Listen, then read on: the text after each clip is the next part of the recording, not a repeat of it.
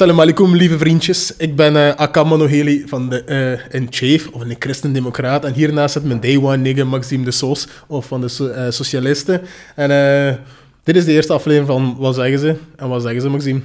Ja, kan ik je toch een klein beetje moeten tegenhouden voordat we verder gaan. bij de inleiding noemt je mij juist een day one een nigger. Ik moet toch even, even zeggen dat uh, als whiteboy, ik mag die dingen niet zeggen, hè? dus uh, mm. dat ligt toch wel gevoelig. Hè? Je, mocht, je mocht alles zeggen wat je wilt, maar ik zou niet zeggen met die IR-letters op het einde, dat, dat blijft snijden. Maar doe wat je wilt, maar pas op tegen wie je het zegt. Hè. Maar laten we dan maar gelijk ingaan en daar haal je je punt al direct aan. Wat is, wat zeggen ze? En wat zeggen ze? Wat zeggen ze, Kammer? Mensen zeggen veel dingen. Maar um, zeggen ze altijd wel wat ze menen? Ze, allee, mensen zeggen inderdaad veel te veel dingen. En wat ze menen hoort, voelt je wel, maar uh, het komt er niet goed uit. En vandaar het idee voor deze podcast. We gaan basically overeen gaan uh, spreken over de maatschappelijke en politieke discussies. En we gaan proberen de stemmen, allee, de argumenten die mensen aanhalen te vermelden en duidelijk te maken, maar ook een beetje te kaderen. Want je, hebt heel vaak het gevoel dat mensen niet met volste... Uh, met juiste argumenten of, uh, uh, of niet juist uit de woorden komen. En uiteindelijk het debat, dan valt het debat dicht of wordt het veel te veel vervuild. Ja, wat jij nu ook zegt, um, ik zie dit ook heel vaak terugkomen. Mensen zeggen dingen, dat is eigenlijk wat ze inhoudelijk zeggen. Uh, dus wat ze letterlijk zeggen, mhm. -huh. met woorden. Maar vaak zit er nog veel meer achter. vaak is het nog in het geval dat daar eigenlijk een relationele boodschap achter zit. Relationeel, in de zin van um, elke boodschap die we geven daar zit eigenlijk een bepaalde uh, relatiebetekenis die we daaraan toevoegen. Relatiebetekenis als in de zin van, ik zeg dit, en, uh, hiermee wil ik ook zeggen dat je op deze manier met mij om moet gaan. Um, dat lijkt heel ver gezocht, maar om een concreet uh, voorbeeld te geven.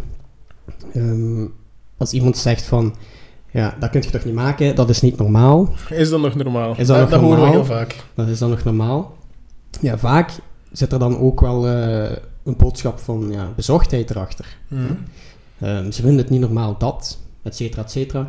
Omdat ze oftewel ja, de complexiteit niet kunnen volgen. Ze hebben schrik, juist omdat ze die complexiteit niet kunnen volgen. Um, mensen hebben het gevoel dat eigenlijk de grond van onder hun voeten wordt uitgehaald. Um, en dat is ook voornamelijk wat jij juist zegt. wat zeggen ze? mensen zeggen veel dingen. Maar ze zeggen niet altijd wat ze, wat ze echt menen of bedoelen. En dat is dan misschien een beetje uit de schrik van... ja, mag je dat nog zeggen? En dat is dan juist met de inleiding, hè. je noemt mij een day one nigger. En, en daar uh, zit je weer met dat woord. Doe normaal, Oké, okay, conclusie, we mogen dat niet meer zeggen, het is gedaan.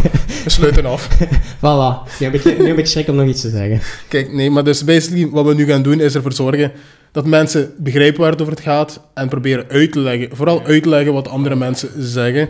En... Uh, zodat het debat eindelijk eerlijk gevoerd kunnen worden. En we hebben verschillende onderwerpen die gaan van migratie tot ecologie, maar ook gewoon de maatschappelijke dingen zoals uh, hoe staat je in de maatschappij en hoe kijken we er ook heel vaak naartoe. Maar dat klinkt nu allemaal heel vaak, maar dat komt nog allemaal. Mm -hmm. Maar dus, wat zeggen ze, Maxime? Basically wat het is. Uh, Eén keer per maand gaan ik, Maxime, ik Akamba, uh, de chef, Maxime de Sos, in op wat er in de street gezegd wordt.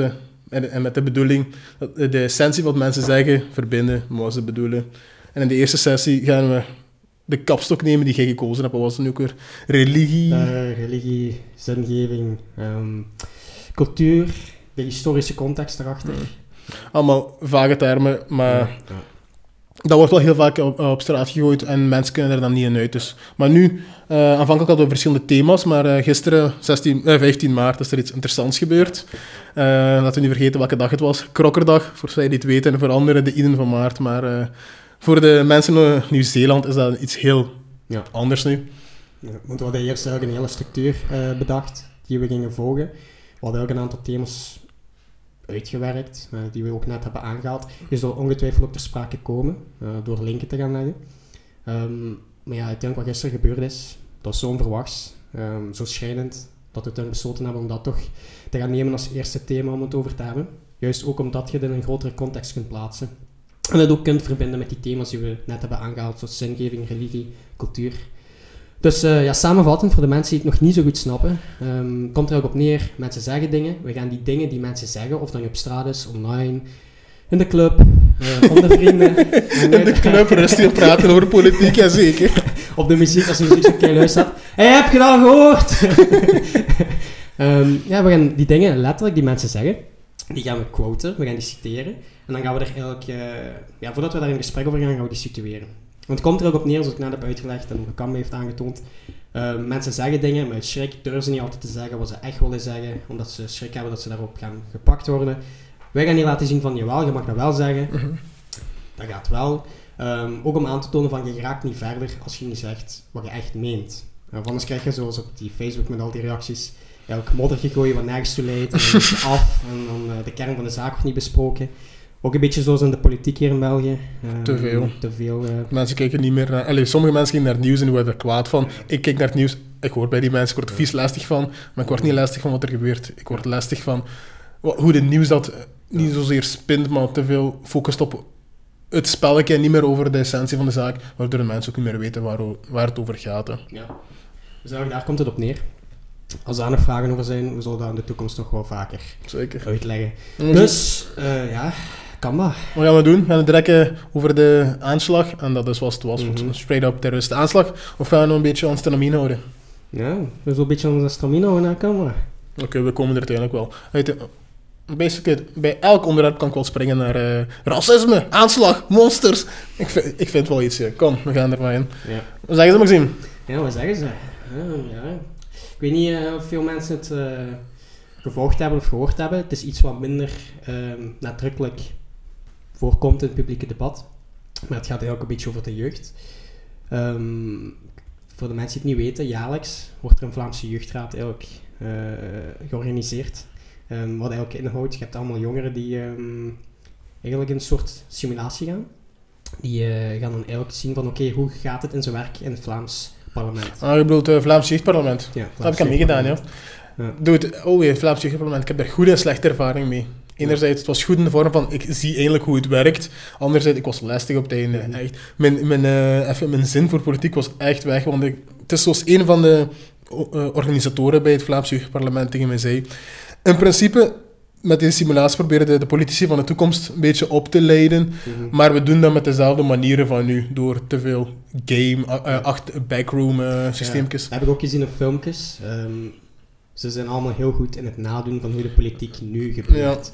Ja. Um, ze zien wat er gebeurt uh, op tv of in de media. En in dat Vlaams jeugdparlement hebben ze eigenlijk alles gewoon nageaapt. Basically. Met ook, actu ook maar, ze gebruikt ook actuele onderwerpen. Hè. Ja. En dingen die in de Kamer besproken werden.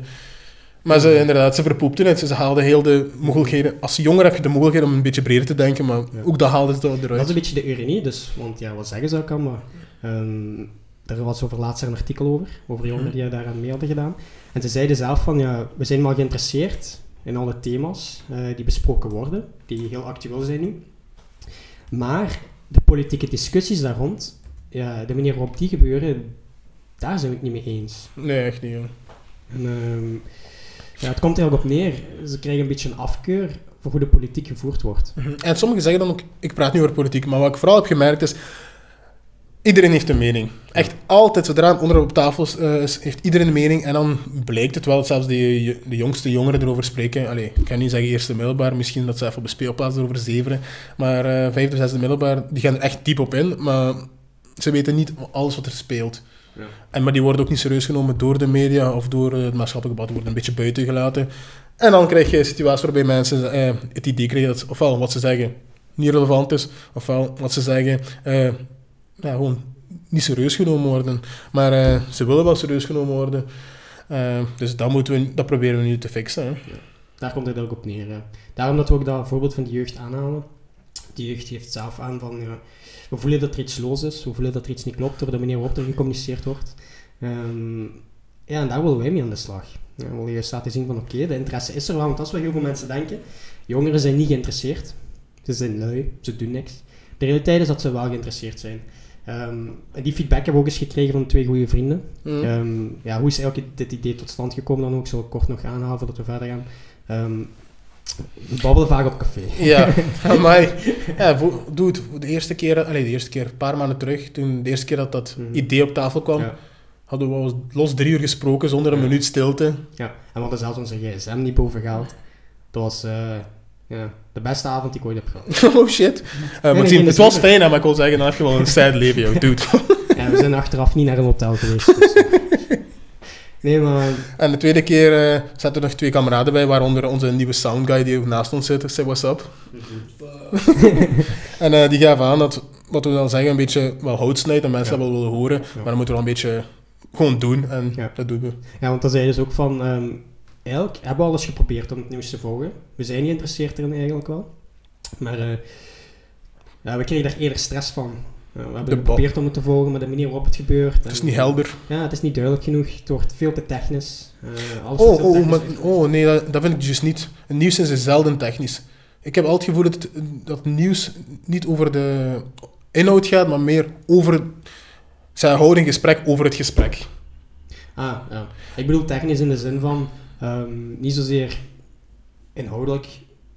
Ja, Mhm. De grotere, ruimere, genuanceerde context erachter zit. Eh, ik heb het eerder technisch over. en dat is ook wat onze vrienden zeiden tegen ons. Technisch in de zin van al de termen en al de uitleg. Vaak zijn ze niet mee. Ja. Vaak hebben ze gewoon de basisuitleg nodig om te weten van oké, dat ze ehm, de context kunnen plaatsen.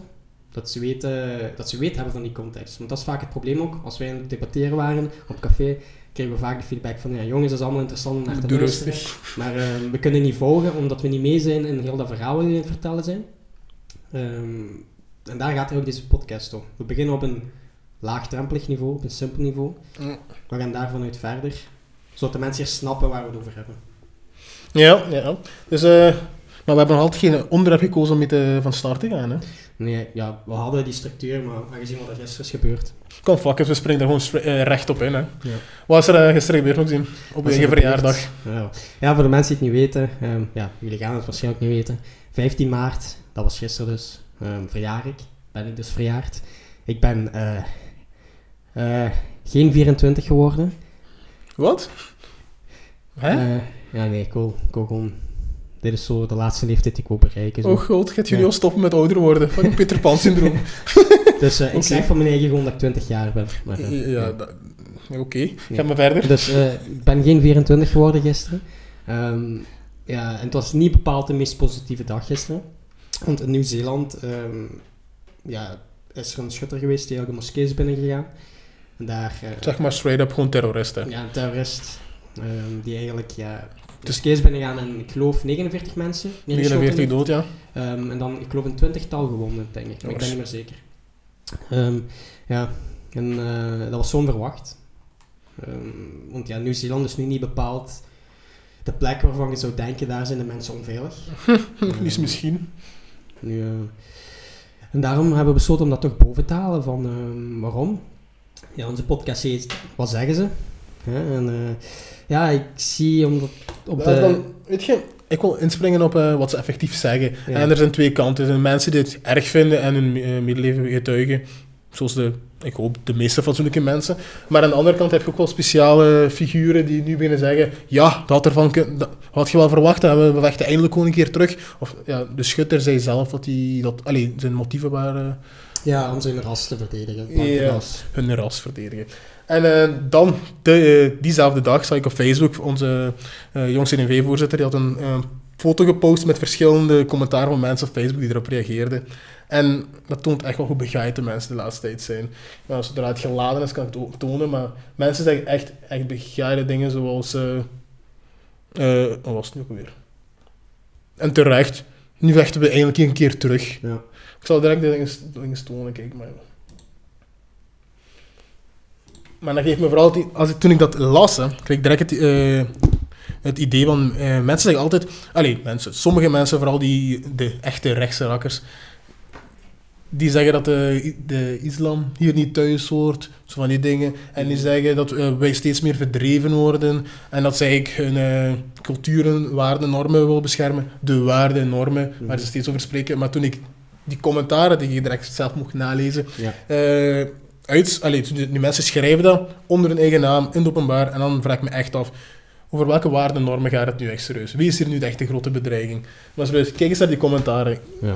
Ik, zal een paar dingen luidop lezen. Eh, de eerste die ik eh, nu al direct zie staan, die er uitspringt. De islam zal oogsten wat ze gezaaid heeft. Een verderfelijke ideologie zal op haar eigen manier teruggedrongen worden. En 56 mensen vonden dat nice.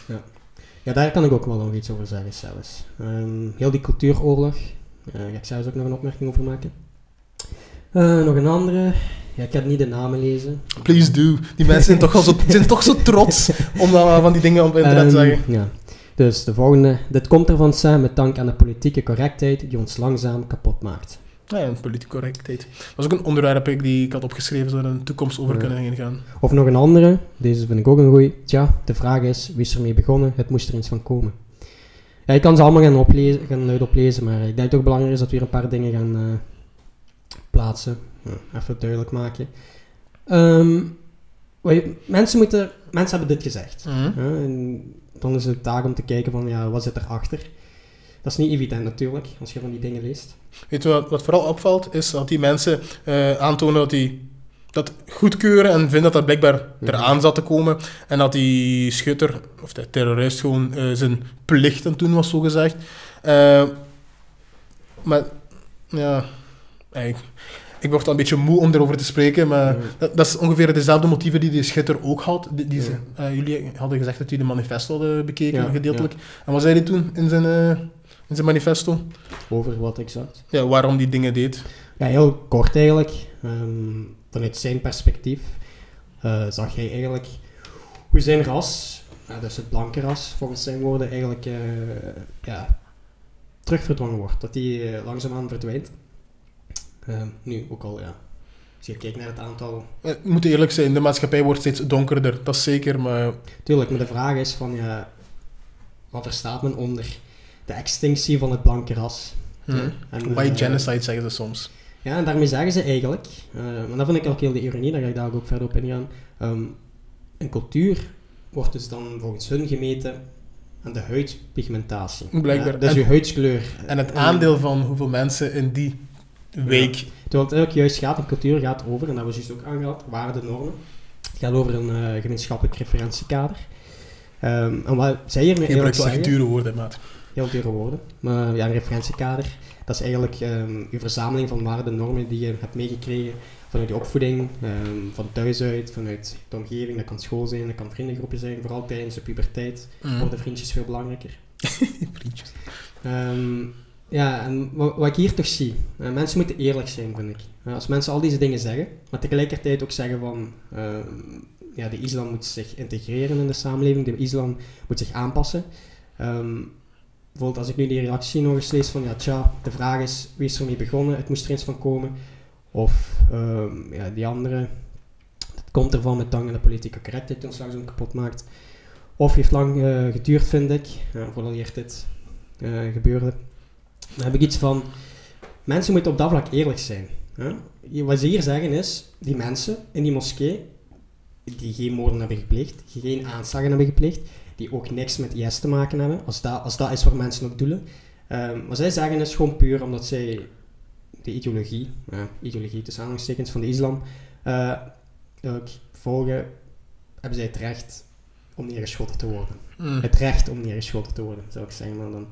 Dat is, Ehm, dat is oorlogstaal, hè. Dat is zeggen van, eh, ja, er is zo weinig dat je die mag, kapot mag maken als je die kans hebt. En dan kom ik ook nu wat ik er zo- juist voor zeggen, die cultuuroorlog. Ehm je hoort heel veel mensen zeggen, eh, mensen die dergelijke eh, reacties in het openbaar, op de sociale media posten en neerpennen. Ehm hoort heel veel mensen zeggen van ja, uiteindelijk gaat er een moment komen dat er een cu- cultuuroorlog uitbarst. Ehm, dat we de oorlog gaan aangaan met de vreemdelingen. Maar dat zijn wel echt de extreme mensen die dat zeggen, hè. Ja, maar dit is heel de ironie van het alles. Als ik zie wat er gebeurt, zoals die schutter, die terrorist die nu die aanslag heeft gepleegd. Als ik zie naar de reacties van mensen op de sociale media. Die cultuuroorlog, men gaat die uitlokken. Ja, dat is toch Snap een je? beetje de hele bedoeling, Dus, denk ik dan. eh, op zoiets als dit kan ook weer een tegenreactie komen. Dus heel de ironie van Oh, alles... tegenreactie hoe? Tegenreactie, ja, dat kan ik niet zeggen. Ik Ja, bedoel, niet- tegenreactie in de positieve zin dat mensen gaan zeggen, ja, we willen deze haatzaaierij niet. Of tegenreactie van, eh, nu gaan we een aanslag terugplegen. Bij, maar bij wie? Het hoeft niet per se direct een eh, aanslag terug te zijn. Eh, maar het gaat over de manier waarop men communiceert met elkaar. En dat kan zo ja, de opinie van iedereen, het publieke debat eigenlijk zo beïnvloeden, dat op lange termijn misschien negatieve gevolgen gaat hebben. Onder andere, en zo zag ik ook een reactie, Dat is zo zag ik ook een reactie op Facebook van... ehm, Eh, sorry, ik moet even de deuren openen. Sorry, hou je gedachten me vast. Sorry dat ik even onderbrak, maar Brit kom even binnen. Ik moest even de deur gaan openen. Doe maar verder, girlfriend. Ja. Nee, ehm, ik ging juist aanhalen van die reactie die ik heb eh, een keer gezien. Ehm, gisteren op Facebook. Ehm, het was eigenlijk een moslimjongere die een opmerking maakte over een artikel dat over die, eh, die terroristische aanslag ging. En die jongen zei eigenlijk, heel ongepast, was hij eigenlijk eh, de nieuwskranten uitschelden van dat artikel, voor dat artikel van bestanden.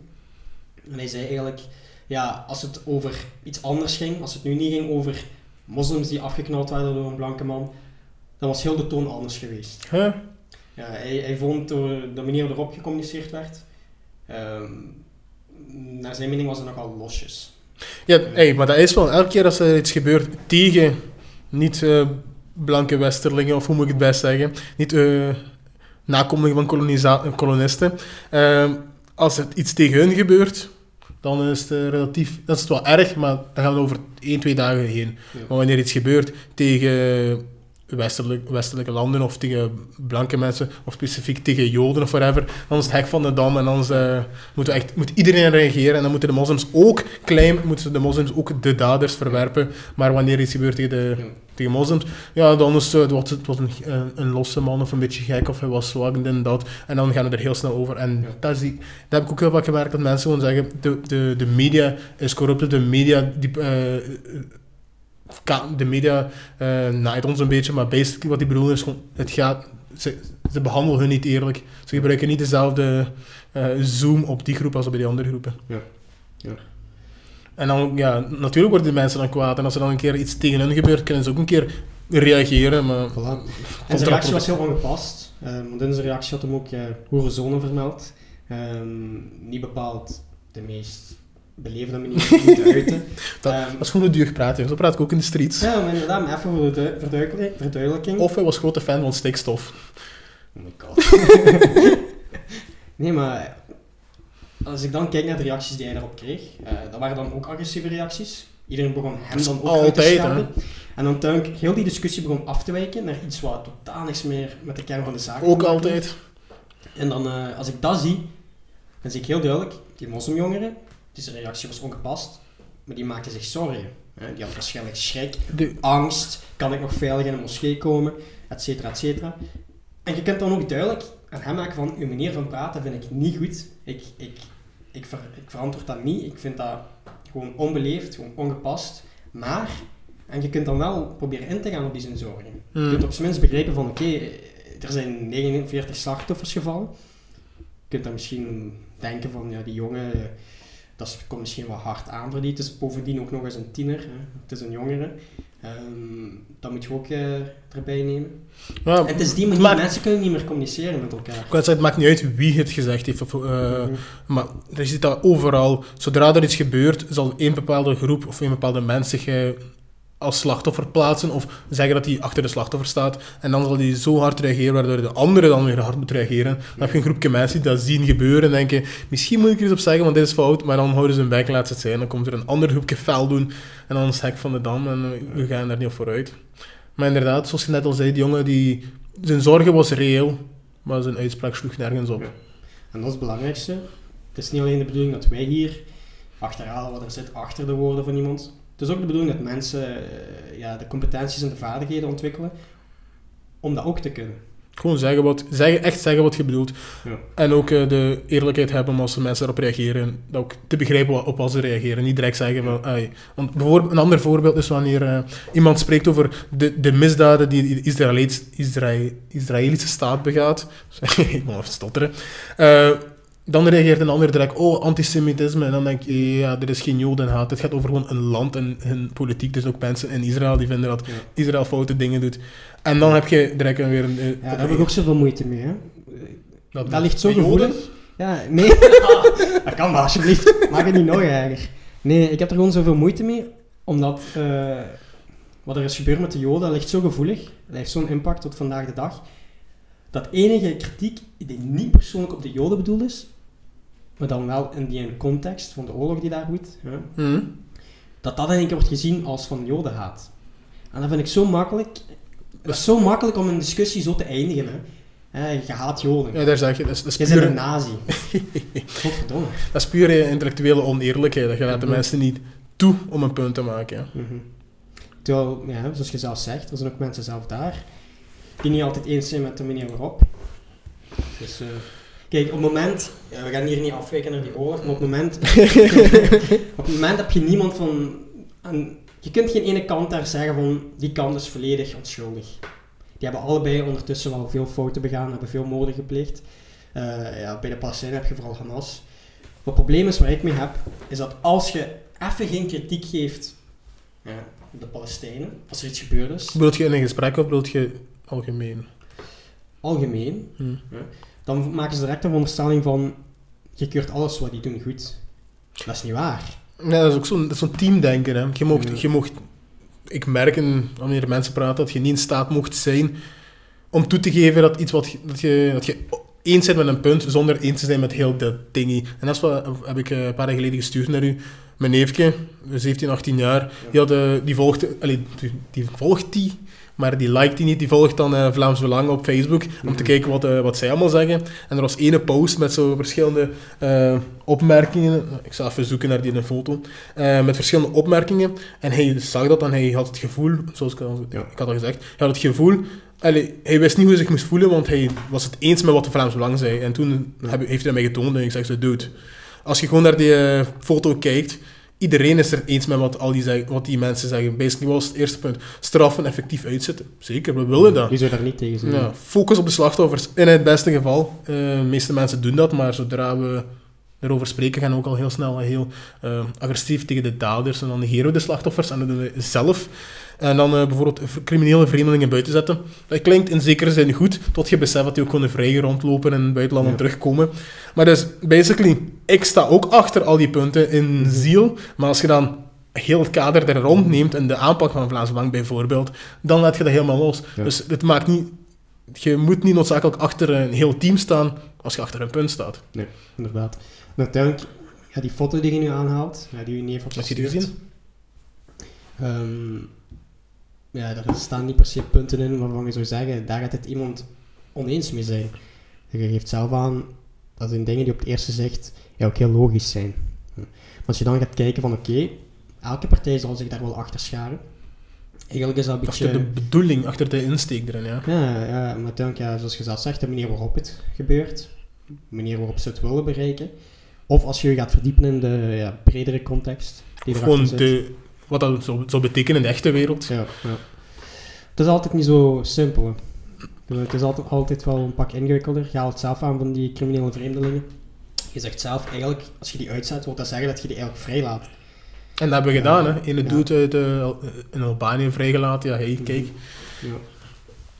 Maar, eh, dus ja, basically, ik eh, heb het gevoel dat mensen, één, intelle- intellectueel oneerlijk zijn in een debat. Twee, ze staan het niet toe om eh, een keer toe te geven dat ze ofwel een fout hebben gemaakt, of dat het andere een punt heeft. En ten derde, ja, ja ze gebruiken niet echt goede argumenten, of ze gebruiken gevoelsargumenten boven logica. Ja. En dan springen ze automatisch naar eh, van die heilige quotes zoals, is dat nog normaal? Of vind je, dat is toch zo? Of, eh, ja, Ja. Gevoelsargumenten die feitelijk wel kloppen. Maar dan als je daar gaat kijken wat de context die daarboven ligt, de overkoepelende context, dat dat niet klopt. Maar niet altijd, hè, want je hebt ook eh, gevoelsargumenten die nergens op slaan. Mhm. Maar ja, het is een gevoelsargument, gaat over gevoel, kan er niks tegen zeggen. Ja.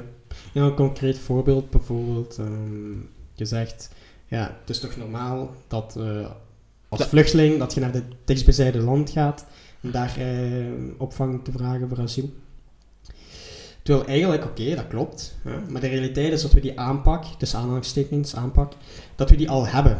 Hè. Eh, 80% van de vluchtelingen Ja. die bevinden zich al in het ontwikkelingsland. is niet echt een aanpak, mensen doen dat gewoon. Ja, mensen doen het al gewoon. hè. als je kijkt naar eh, Europa, ja, of de EU, als we gaan kijken naar de Unie. Een kwart van onze asielzoekers zijn echte vluchtelingen. Die term wordt heel vaak door elkaar gegooid. Wacht even, een kwart van de asielzoekers. zijn echte vluchtelingen. Want iemand, een asielzoeker zijt je als je een land binnengaat en je vraagt asiel aan. Als je op Mhm. dat land, het gebied terechtkomt. Dan moet er ook nog eens een onderscheid gemaakt worden tussen een vluchteling en een migrant.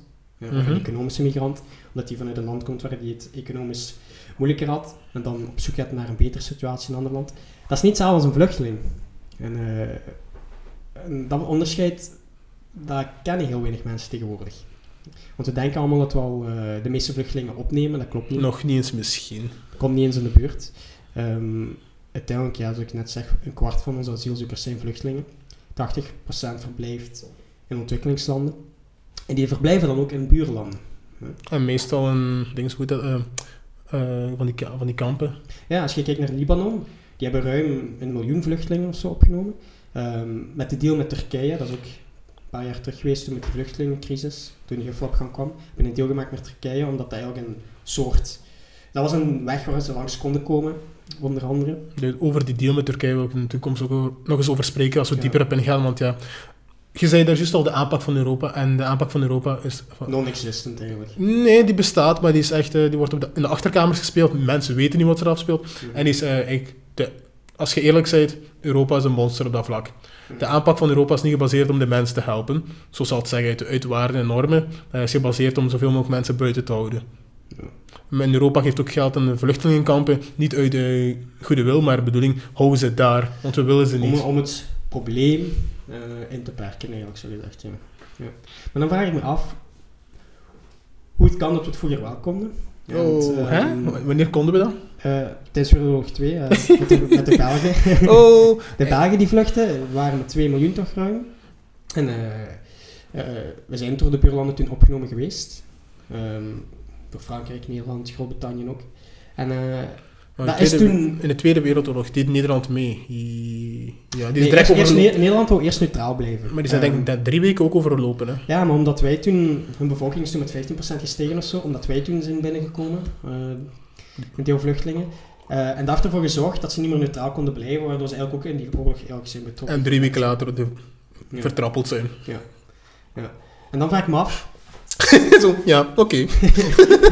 en dan vraag ik me af, toen was het zo gezegd mogelijk om iedereen op te nemen. Ja.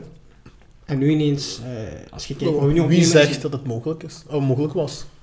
Niemand, heeft- in feite, eigenlijk niemand heeft dat ooit gezegd. Het is gewoon gebeurd. Maar ding is dus ook, ehm, er wordt zo'n beetje een propagandabeeld gehangen rond eh, vluchtelingen tijdens Wereldoorlog 2. Ja.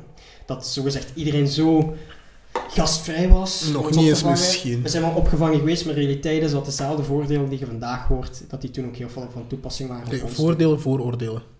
Voordelen. Ah, vooroordelen, ik. Ah, Vooroordelen. sorry. Voordeel, voordelen. ja, zo wat. Die voordelen. Die werken niet zo lui, ze komen onze job spikken. 900 euro per maand en een gratis appartement. Ja, want daar kun je van leven. Ja.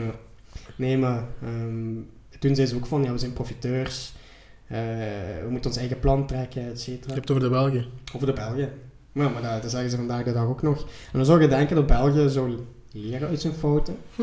Dat we niet zouden willen dat we de geschiedenis herhalen. maar- België zou leren of mensen algemeen. Want het is niet met, niks met België te maken. Niet, we kennen onze geschiedenis niet. We hebben op school tegen ons gelogen. Allee, gelogen is te veel gezegd.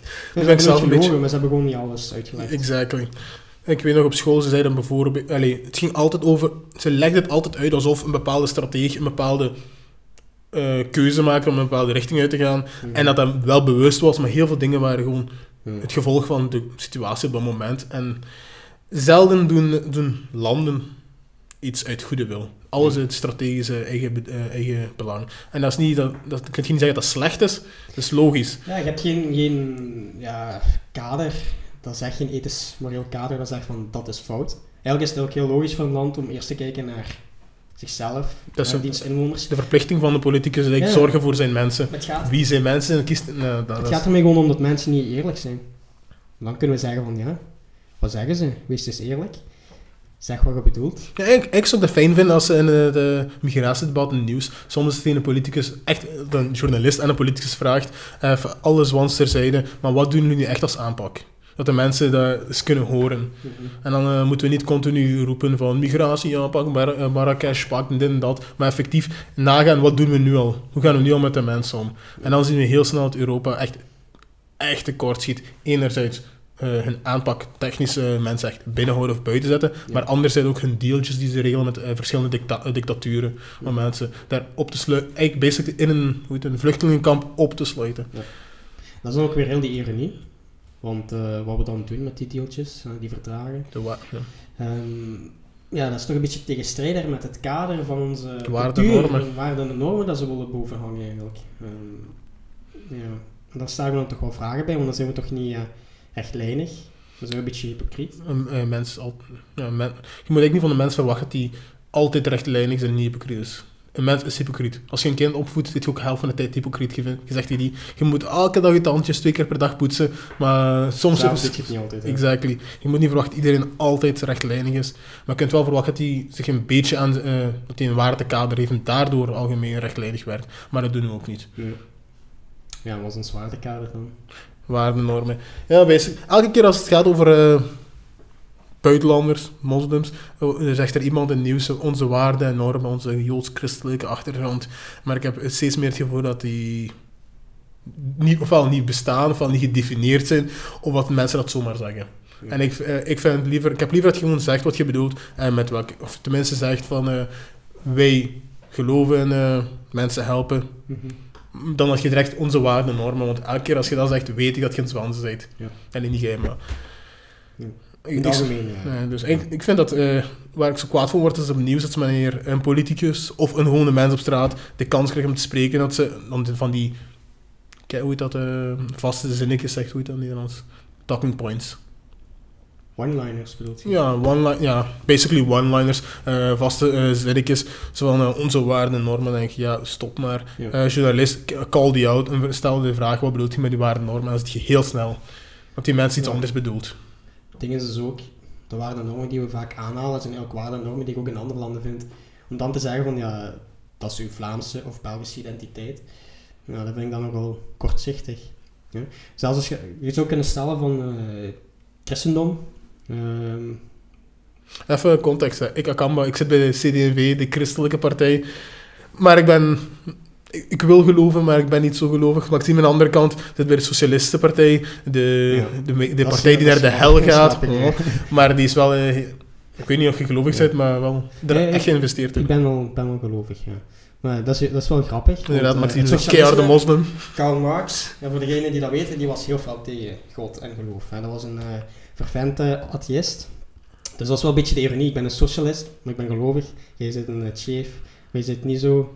Ik geloof in de boodschap en de bedoeling. Wel, je gelooft eigenlijk in de positieve kanten daarvan. Die zin, ja. Hetzelfde ook voor, de, voor het islam en andere religies. En voor mij eh, gaat het niet zozeer over het woord dat in het boek staat, maar wel de, de bedoeling. En ik, daarom respecteer ik Ja. elke religie. Of mensen die willen geloven, zonder daarbij anderen lastig te vallen of Ja. eh, te ver te gaan. Dus dat is eigenlijk de korte context ervan, dat jullie toch weten van... Dat is wie wij zijn. Ehm, maar daar verder op ingaand, ehm, je zou kunnen zeggen, het christendom, dat beïnvloedt onze cultuur. Nou, daar hebben we toch wel een heel belangrijk verleden mee. Maar ook daar is het niet altijd zo zwart-wit. Uiteindelijk zijn wij voornamelijk vanuit het Rooms-Katholieke, hè, het katholicisme uiteindelijk, eh, zijn we voort... Is onze samenleving heel fel eh, beïnvloed geweest. Eh, en waarom haal dat aan? Ehm, hoe meer ik ben beginnen geloven, want ik ben eigenlijk grotendeels van mijn leven atheïst geweest. Ja, ik bedoel, een infidel, dus een kafir. dus ik een ben- ongelovige. Ze branden in hel. ja, ik zal dan niet naar een moskee gaan, want, maar eh, nee. ehm, En als je het toch doet, doe het ongewapend, want... Ja. nee, ehm, waarom haal ik dat aan? Het is toch wel heel belangrijk om daarop in te gaan, omdat hoe meer ik ben beginnen geloven, tot het punt waar ik nu ben, en dat is nog niet zo heel lang, want zoals ik net zei, ik ben heel lang atheïst eh, geweest. Ehm, hoe meer ik me ben beginnen verdiepen in het christendom, hoe meer ik ben erachter gekomen, het christendom in het algemeen is een geloof. Nu je denkt van, ja, dat is logisch dat er geloof Ja, ik is. kon net zeggen, what the fuck doet jij? Ehm, maar het katholicisme op zijn eigen is geen geloof. Het christendom is nog steeds het geloof wat het katholicisme aanhaalt. Katholicisme is een stroming, een tak van het christendom. Waarom zeg ik dat? Ehm, hoe meer ik mij ben beginnen verdiepen in het christendom, hoe meer ik heb gezien dat katholicisme eigenlijk tegen alles staat waar ik in geloof als christen, zo gezegd. Dan spreek je dan nu over de kerk of het instituut de kerk. Katholicisme in mijn ogen is ook het instituut de kerk, want het katholicisme zegt zelf, eh, de kerk is eigenlijk op de aardbol, dat is het huis van God. Oké, tot zover ben ik mee. Maar dan gaat het nog verder door te zeggen van priesters, die kunnen mensen zonde vergeven. En ten derde, de paus is eigenlijk de plaatsvervanger van God op aarde. Die staat tussen Jezus en God. En je kunt alleen via die paus contact maken met Jezus en Is God. dat? Kan die... En dat heeft de, de paus recent zelfs nog gezegd. En onze hu- huidige paus heeft dat recent nog gezegd.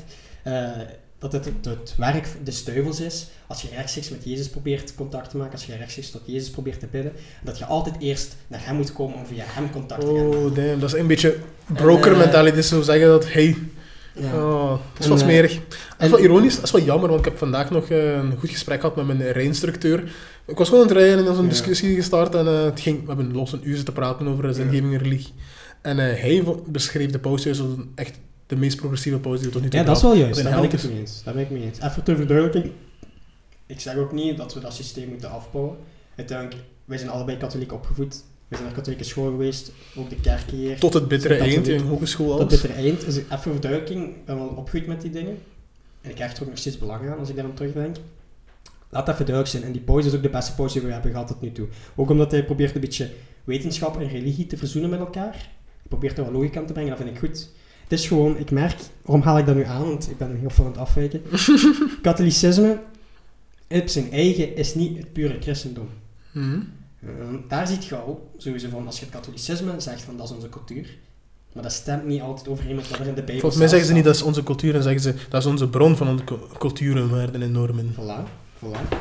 En als je dan zegt van ja, de Bijbel neemt dan ook een belangrijke plaats in. Wat er in de Bijbel staat is tegenstrijdig met wat soms in het katholicisme wordt gezegd. Als je dan nog verder gaat dan dat, dat is al één. Als je nog verder gaat dan dat, eh, heel veel mensen denken dat zo'n cultuur, wie we nu zijn, de westerse wereld, dat dat komt van eh, Athene. Hè. Dan heb ik het over de Grieken. Ah, Naar Rome, van Rome eh, naar Londen en dan zo van Londen naar Amerika. Ja? Heel veel mensen denken dat dat de stroming is die gevolgd is geweest. mhm. Maar dat klopt niet. Dat is eigenlijk ook weer iets dat in onze hoofden is blijven steken en een bepaald denkbeeld dat niet helemaal juist is. Dat is er geweest, die lijn. Maar doorheen de geschiedenis is die lijn ook heel veel beïnvloed geweest door andere culturen. Dan heb ik het over ja. Afrika, dan heb ik het over de Aziatische wereld. Ehm, en dat is wat heel weinig mensen weten. En waarom haal ik dat allemaal aan? Als je kijkt van, oké, één. eh, onze samenleving is heel veel uh, beïnvloed door het katholicisme. Maar het katholicisme is niet altijd rechtlijnig met, met het christendom zelf, in het algemene geloof. Als je ook kijkt van naar het verleden toe, dat er zoveel verschillende invalshoeken zijn geweest, zoveel verschillende beïnvloedingen. Je kunt niet meer één punt aanwijzen. Maar Mhm. mensen willen dat wel. Dat is simpel, hè, simpel. Hè. Maar, ja. ja. Dan is de vraag, wat is onze cultuur? Is er überhaupt al een cultuur die we hebben, die we kunnen zeggen van, dat is ons gemeenschappelijk referentiepunt? Of zijn we nu, omdat de wereld zo complex is, juist veel geglobaliseerder, alles geseculariseerd, religie neemt niet meer een belangrijke plaats in, dat we als tegenreactie nu heel veel aan het zoeken zijn van, oké, wat is onze identiteit? En dan juist proberen te zoeken naar punten die vaag kunnen aangehaald worden, om dan onze identiteit nu te vormen. Terwijl we die eigenlijk misschien nog niet echt hebben gehad. Nog niet geld, hè. Ik wou- oh, dat laatste snap ik niet, ik zou zelfs nog een vraag stellen. Maar, mensen, je zegt, mensen zijn nu aan het zoeken. Eh, ik heb juist het gevoel dat mensen eh, geen eh, sense of belonging meer hebben. Dat ze niet Ja. meer een gevoel hebben in een bepaalde community, waardoor ze, dan zeg ik wat jij noemt, zoeken. Ja. Ik heb juist het gevoel dat heel veel mensen niet zoeken. Dat ze gewoon claimen. Onze Vlaamse cultuur, dat is mijn team. Ik heb dat geclaimd. Niet bij stilgestaan wat, die, wat hij inhield. Ik denk, daar ben ik het niet mee eens. Daar ben ik niet mee eens. Want mensen zijn van nature sociale wezens. Ehm, dus mensen Nee. hebben altijd het gevoel dat ze ergens willen bijbehoren. Mhm. Dus ik denk wel dat ze, wat jij net zegt, dat ze dat juist wel doen. Door over na te denken. Misschien... Ik bedoel, ze stellen het niet in vraag. Ze claimen een team en daar hangen ze zich aan vast. Maar ze stellen niet in vraag wat het inhoud van het team is. Bijvoorbeeld als, je- Als als je je... bedoelt. Wat, wat? En wat bedoelt je met inhoud van het team? Als je zegt, eh, eh, ik ben nu een trotse Vlaming. Ik ga mijn eh, Vlaamse vlag buiten. Ah, nee, ik, niet ik, maar... We zijn mee, we Ja, het. gewoon mensen zeggen, ik ben een trotse Vlaming, als ze Vlaamse vlag buiten. Zegt dan, iedereen moet, je moet Vlaams le- leren. In Brussel moet ze ook Vlaams spreken. We moeten gewoon aantonen wat onze Vlaamse waarden en normen zijn. Maar ze stellen zelden een vraag of, de, of ze kennen de achtergrond van heel die beweging niet. Ja. Ze, ze springen gewoon op een team. Ja, dat zeg je exact wat ik ook zeg. Ze springen erop, juist voor die sense of belonging. Ze willen ergens toebehoren. Maar er is geen zoektocht bij. Er is geen zoektocht bij nu. Omdat eh, het is veel gemakkelijker om er gewoon ergens in te gooien. Ja, zeker tegenwoordig. Ik denk juist omdat het zo complex is, want we leven eigenlijk nu in een wereld waar alles zo wordt opgesteld dat je niet meer je kunt eh, identificeren aan de hand van één groep, één identiteit. Ehm, omdat juist ook, het is zo geglobaliseerd allemaal. Het is allemaal zo internationaal. Je kunt altijd je identificeren aan één groep, maar dan moet je even alle, al die andere re- eh, parameters en eh, argumenten opzij zetten. Bijvoorbeeld, Dat is niet gemakkelijk. nou, mensen doen het wel zodra ze... Nee, in elke discussie, pro- allee, in elke situatie probeer je de kleinste groep te vormen. Laat me even uitleggen, de, met de kleinste groep. Bijvoorbeeld, zit je... eh dat zijn we hier bijvoorbeeld. We zijn in Hasselt, maar er zijn mensen die zeggen... Nee, ik ben van, van Kuring, ik ben niet van Hasselt. Ja. al de kleinste groep om dan Dat is in die subcultuur. Ja, en, dat doet, en, sub, ja, en subcultuur is ook een goed voorbeeld van mensen van eh, bijvoorbeeld gothics en emos. Wij, ik denk dan bijvoorbeeld, jullie zijn gewoon bende vreemde gasten met zwarte jassen en zo. Oké, do you. Maar die zeggen nee, we zijn gothics. En dan eh, praat ik tegen iemand die, niet, eh, iemand die erop lijkt. En zegt, zit jij ook een gothic? Nee, ik ben een emo die dat doet. We kunnen er niet uit. Maar do you. Maar wat, ze, wat je vooral ziet, ze zoeken altijd de kleinste groep. Want dan kun je de, de sterkste banden aanhalen. Ja, daar had je wel iets goeds aan. Ja. Hoe hechter de banden, hoe beter die groepsdynamica gaat zijn. En hoe beter die groepsdynamica, hoe groter de kans dat die groep ook gaat samenblijven. Je zegt hoe hechter de banden zijn, niet noodzakelijk. Allee, wat ik zie is niet noodzakelijk dat de banden hecht moeten zijn. Ik zie vooral gewoon, eh, je moet genoeg mensen aan de andere kant van de lijn hebben. Je moet genoeg mensen hebben die niet in je team zitten om te kunnen zeggen, dit is mijn team. En dan worden jullie hecht, of hangt je er heel hecht aan vast. Ja, dat merk je wel heel veel eh, bij groeperingen zoals Schilden en Vrienden. Mhm. Ze, ja, zij zeggen zelf, ja, ze wentelen zichzelf ook in dat narratief. Hè. Ze zeggen zelf van, ja, de linkse media, de linkse ratten, Je rolt je matten, niet Rol die vergeten. matten. Ehm, dus ze wentelen zichzelf in dat, in dat thema eigenlijk. Dus eh, dat kan wel kloppen wat je zegt. Ah, ik wou juist even een opzetten, maar ik laat het zijn. Ja, dat wel wel klaar moeten liggen, vriend. Nee, dat moest niet. Nee. Allee, dat, dat komt gewoon puur om, om te laten zijn. Dan dacht ik, ja, zwijg je bruine rakker. Nee, maar inderdaad, want een groep gaat veel minder ehm, waarde hechten aan een bepaald doel, als ze niet het gevoel hebben dat dat doel ook echt van belang is. Als een pak en Vrienden bijvoorbeeld, als zij telkens ook echt het gevoel hebben van wij tegen hun, wij tegen zij, echt het gevoel hebben van ja, ze willen ons kapot maken, ja, des te meer dat ze juist nog feller gaan verder doen. Ze Ja, gaan dan niet hebben van oei, Ja, ze zijn het. niet eens met ons, jank jank, we gaan eens even stoppen. en ook, ja, je ziet heel... Die schildenvrienden zijn basically eh, trolls. Ze zijn zoals... Allee, het is mijn, eh, mijn mening, het is een Ja. beetje agressief in dat eh, opzicht, maar ik zie die schildenvrienden zoals de alt-right in de VS. hoe ik die ervaar, zijn gewoon een groepje boykes die geen andere sociale groep... Allee, die hebben wel vrienden en alles, maar geen andere eh, sterke groep hebben waar ze kunnen zeggen, wij horen bij die groep, dus... eh, zoeken ze maar een team en dat team is toevallig zo'n beetje mensen die continu vijanden opzoeken de andere culturen zijn onze vijand. En dan creëren ze een vorm van wij tegen hun. En dat is basically alles waarop ze gestoeld zijn. Ja. Er zit geen ideologie achter, er zit geen voor, eh, voor, eh, vooruitgangsbeeld achter, er zit geen einddoel, behalve misschien een, cul- een cultuuroorlog of zo, ik weet niet wat ze allemaal zeggen. Maar ik heb niet het gevoel dat daar een, een, een eh, echte hecht team in zit, behalve het team dat zich gevormd heeft omdat ze tegen iemand anders wil vechten. Ja, ik weet het zo net niet. Want ze lokken wel heel bewust de controverse Ja. uit. Hè? Want je zegt zelf, je gebruikt, gebruikt het woord troll. Ja. Ja, ik ga hier iets formeler zijn, iets beleefder. maar ze, ze lokken die controversie heel goed uit, omdat ze weten tegenwoordig, als je ziet hoe mensen communiceren op Facebook, op sociale media, ze weten heel goed hoe mensen gaan reageren. Ehm, als je kijkt naar, eh, ik geloof dat er bij de tweede klimaatbetoging was. Na die eerste klimaatbetoging was er heel veel nieuws gekomen. Nu komt er nog een beetje Dus nieuws. je toen, eh, eerst had je 3000 man, toen had je heel veel. Was dat die? Ja, dat was tijdens de tweede, of tweede of de derde, ik weet niet meer zeker. Maar Dries, eh, van Schil en Vrienden, van Langenhoven, die was toen ook aanwezig op die betoging. En hij stond er dan met een bordje van, voor de wereld redden, investeer in kernenergie. Op zich daar niks mis mee. hè. Opnieuw. Ja, als, je, als je dat denkt en dat is een solid point, zeg het dan. Daar kan ik niks tegen zeggen. voilà. En uiteindelijk, het is wel heel oppervlakkig hoe op die kaart staat, maar als je daar veel Het is een betoging, gaat- het is een betoging. ja, je je moet kunt er niet verwachten dat je dan met hele tekst op, die, op dat plakkaat kunt lopen. Dus niks mis mee wat hij daar vasthoudt. Maar ja, wat gebeurt daar? Hij loopt daar tussen die betoging, waar eigenlijk iedereen mag bij zijn. Iedereen die zich zorgen maakt over het klimaat. En hij wordt uitgeschofferd eigenlijk door iedereen. Maar het ding is, is eh, iedereen op sociale media maakt van hem dan een soort ja, slachtoffer. En van, ja, hoe durven ze u uitschelden? Nu, inderdaad, dat is niet de correcte manier van aanpakken. Ik vind dat iedereen daar aanwezig mag zijn op die betoging. Maar Dries is daar niet naartoe gegaan omdat hij zich zorgen maakt. Hij is daar naartoe gegaan omdat hij heel doelbewust weet hoe de mensen gaan reageren als ze daarin zijn. Ik wou net zeggen, als ik niet daar zou... uit. Ja, ja. Kon net ook zeggen, als ik hem zou zien daar, Mhm. eerlijk gezegd, net zoals al die andere mensen, zou ik ook tegen hem willen roepen. Of misschien zelfs een, eh, Maar ik zou het niet doen. een blikje Ik zou- cola tegen een kop gooien en dan terug gaan halen en in de vuilbak gaan gooien. Ja. Want ja, het, Ik is een groene doen, ik betoging. Maar, Ik wil hem die kans niet geven.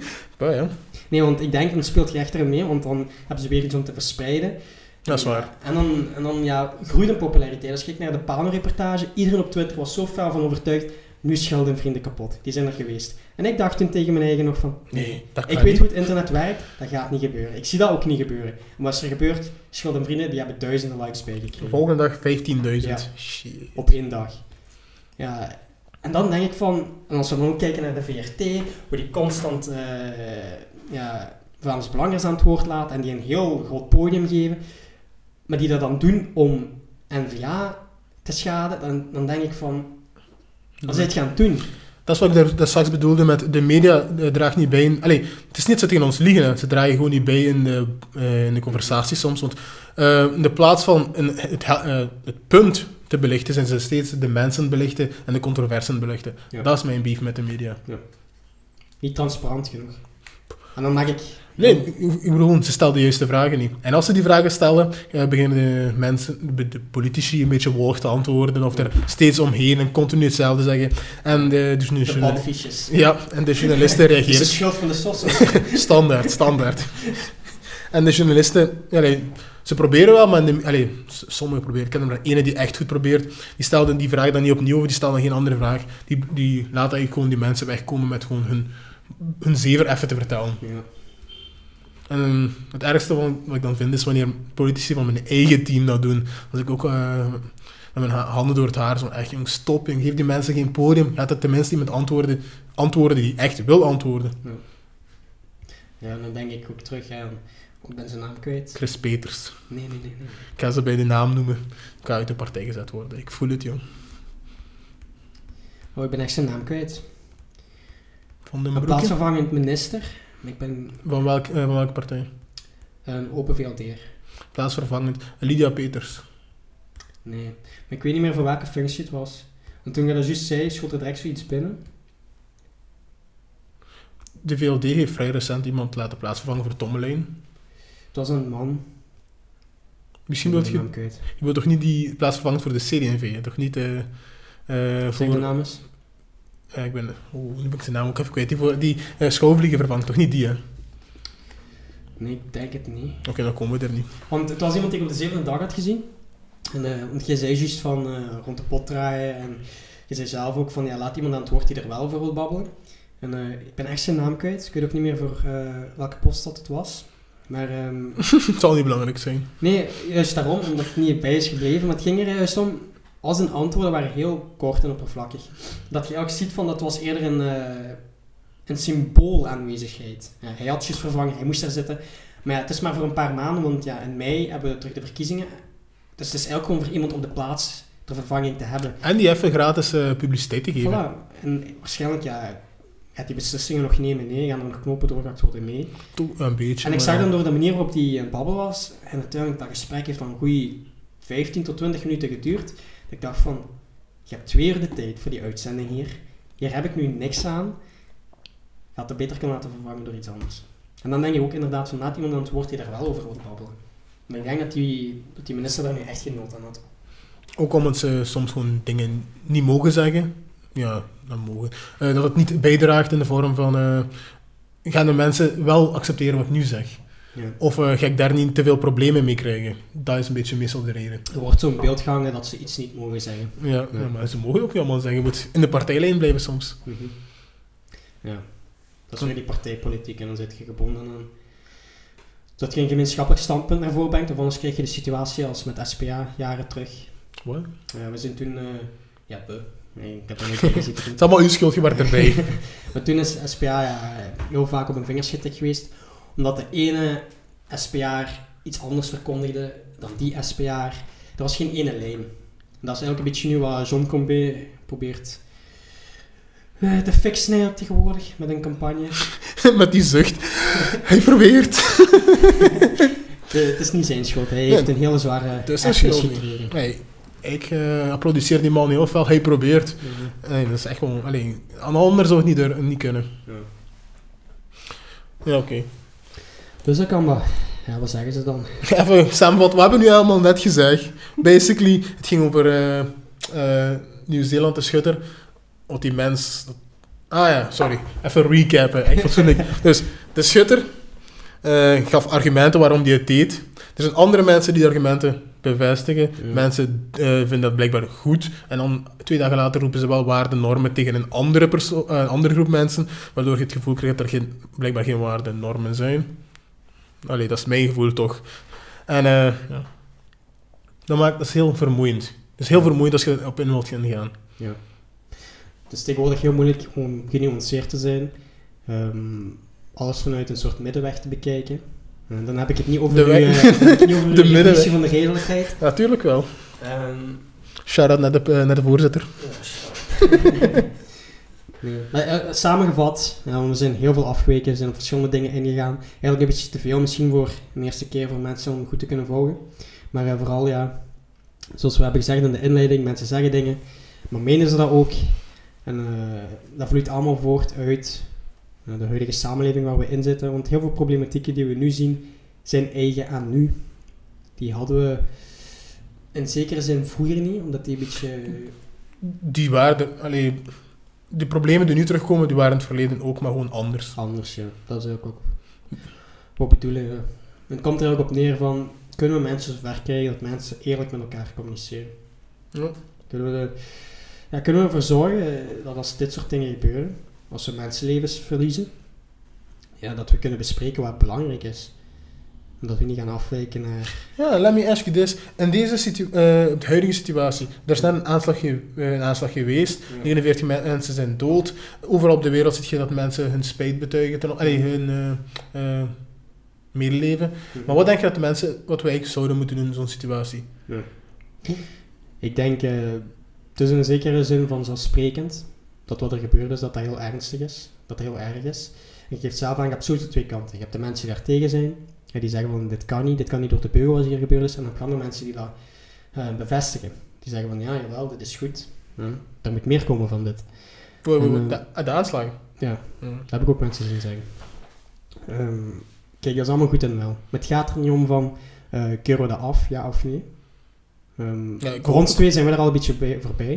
Maar het gaat verder dan dat. Als je ziet van, dat je die twee duidelijke kanten hebt. Ja, als je duidelijke kant hebt die zegt van, ja, dit moet meer gebeuren. Dan maakt het niet uit of je ook een kant hebt die zegt van, ja, dit keuren we af. Hoezo niet? Wat ik Ik wil zeggen is, je gaat er niet verder mee geraken. Nee, maar ik vind juist wel dat die twee kanten... Allee, één kant heb ik liever niet dat bestaat, maar Mhm. als die bestaat, dan heb ik liever dat de tweede kant ook bestaat, dat die effectief zeggen, dit vinden we niet oké. Maar dan eh, staat me de vraag, moeten we na elke, eh elke feat of voorval, moeten we allemaal op nieuws gaan of op Facebook gaan zeggen, dit vind ik te erg, eh, en eh, re- rest in peace, mijn medeleven en die zoveel x aantal mensen.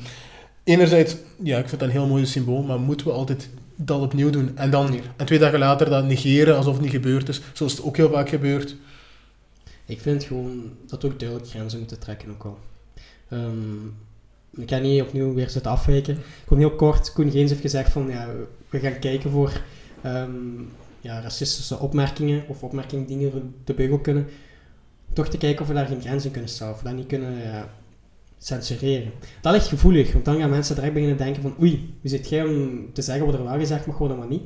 Maar er is een heel duidelijk verschil aan de ene kant, en dit heb ik echt gelezen, maar ik verzin het niet, zeggen van Anuna moet verkracht worden, vuile hoer. En ze gaat allemaal Ja. goede tax op ons eh teweeg brengen. Dat ga ik allemaal niet kunnen betalen. Er is een verschil tussen dat en zeggen van, ja, het valt me op dat die jongeren eigenlijk heel simplistisch zijn in hun redeneren. Ik vind dat ze niet diep genoeg ingaan op de problematiek en dat ze er te weinig van afweten, want bla bla bla bla bla. Dat zijn twee verschillende dingen. Dat rechtse ding, wat ik net heb gezegd, eh, dat tweede ding, niet rechts in, in, in, in politieke zin, eh, niet in eh, ideologische zin. Gewoon wat ik net heb gezegd, het tweede. Eh, dat mag je zeggen. En daar zit ook waarheid in. Daar kun je over discussiëren. Het linkse, wat ik net heb gezegd, Het eerste. het eerste, dat is heel persoonlijk. Daar valt je met persoonlijk mee aan. Als Plus het draagt niet bij. Ah, ja, voilà, het draagt niet bij. Het heeft geen enkele eh, nuancering. Je doet er niks inhoudelijk mee. Zo heb je duizenden reacties, maar daar komt je niet verder mee. Als je dan gaat janken, als die reactie wordt weggefilterd, sorry, dan is het uw probleem. Dus basically wat ik in het begin zei, je mocht zeggen wat je wilt, maar ja, als je daarop gecheckt wordt, als iemand er iets op zegt, ja, dan moet je wel weten waarom dat is. En dan kun je de, jezelf erop controleren. En dan maken we nu de hele cirkel rond, waarde, normen, cultuur, identiteit. Als uw identiteit is, we zijn een beschaafde samenleving, en onze identiteit en waarde, normen is, we hebben respect voor elkaar, we gaan elkaar niet eh, op de man aanvallen, we- doen het wel op de bal, en we vallen elkaar, ja, vallen, aanhalingstekens, we gaan op elkaar inhoudelijk in. Als dat u een deel van uw identiteit? Is, een deel van uw cultuur, waar je heel veel belang in hecht, als dat ook iets is, want dat is ook, dat wordt in school aangeleerd, dat is ons vroeger onwijs vaak eh ingedramd geweest op school, dat je zo elkaar moet benaderen, dan moet dat ook doorgetrokken worden naar platformen die je gebruikt in je samenleving. En dan is het niet zo abnormaal als jij schrijft van vuile kuthoer, of je verkracht wordt, dat die reactie wordt weggefilterd. Dat is, dat is censorship, ja, inderdaad. Maar dat is dan geen negatieve censorship. Mensen hebben, ik snap ook het verschil niet tussen positieve vrijheid en negatieve vrijheid. En die eerste reactie voor mij, die valt onder negatieve vrijheid. En negatieve vrijheid, voor mensen die de term niet zo kennen, vrijheid wil zeggen, je zit vrij om te doen wat je wilt. hè. Dat is heel die eh, libera- liberale kijk. Ehm, negatieve vrijheid wil dan zeggen dat je vrijheid ook gebruikt om andere mensen hun vrijheid te schaden.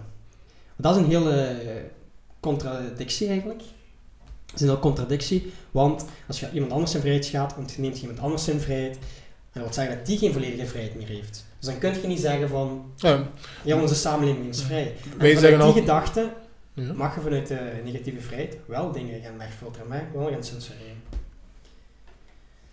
Dus ja, kan maar wat doen hiermee? Ik weet het niet. Hè.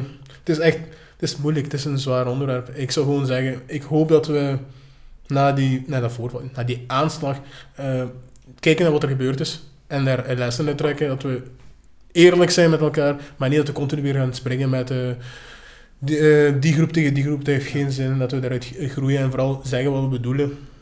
Ja. Maar ik- je hoort het ook aan mijn stem, ik word daar moe van om over, van zulke over zulke situaties te spreken. De oplossing is er niet. Er- En dat, en dat maakt het zo frustrerend. Ja, er is geen. Er is ook, ik, ik- de vraag is, je zegt nu, de oplossing is er niet, maar dan is mijn vraag, op welk probleem?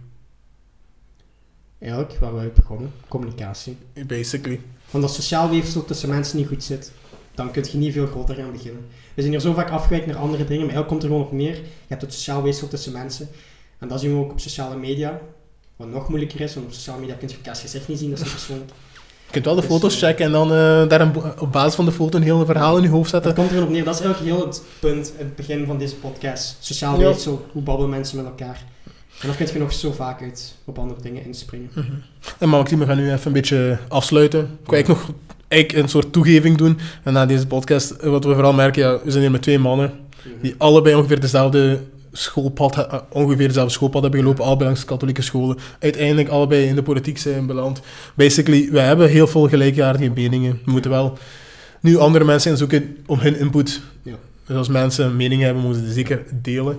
En ten tweede, we zijn in deze aflevering heel algemeen gegaan. We hebben ook fucking veel afgedwaald. Ja. Maar ik hoop dat we ergens wel hout hebben gezien, dat iemand er wel iets aan heeft. En eh, zeker de bigger picture Inderdaad. niet te vaak uit het oog verliezen als we in een hetze springen. Ja, vergeef ons dan ook als het iets te veel uitgeweid is naar andere dingen. Het is onze eerste podcastaflevering en het is nog wat chaotisch. Hopelijk in de toekomst als we wat meer, wat meer verwant raken met dit, dat het beter gaat lopen. Dus wat je Ehm, bedoelt is gewoon, je weet niet wat je aan het zeggen bent. Ja, wat zeggen ze dan? exactly. En hiermee wil ik afsluiten. Tjallas! Doei.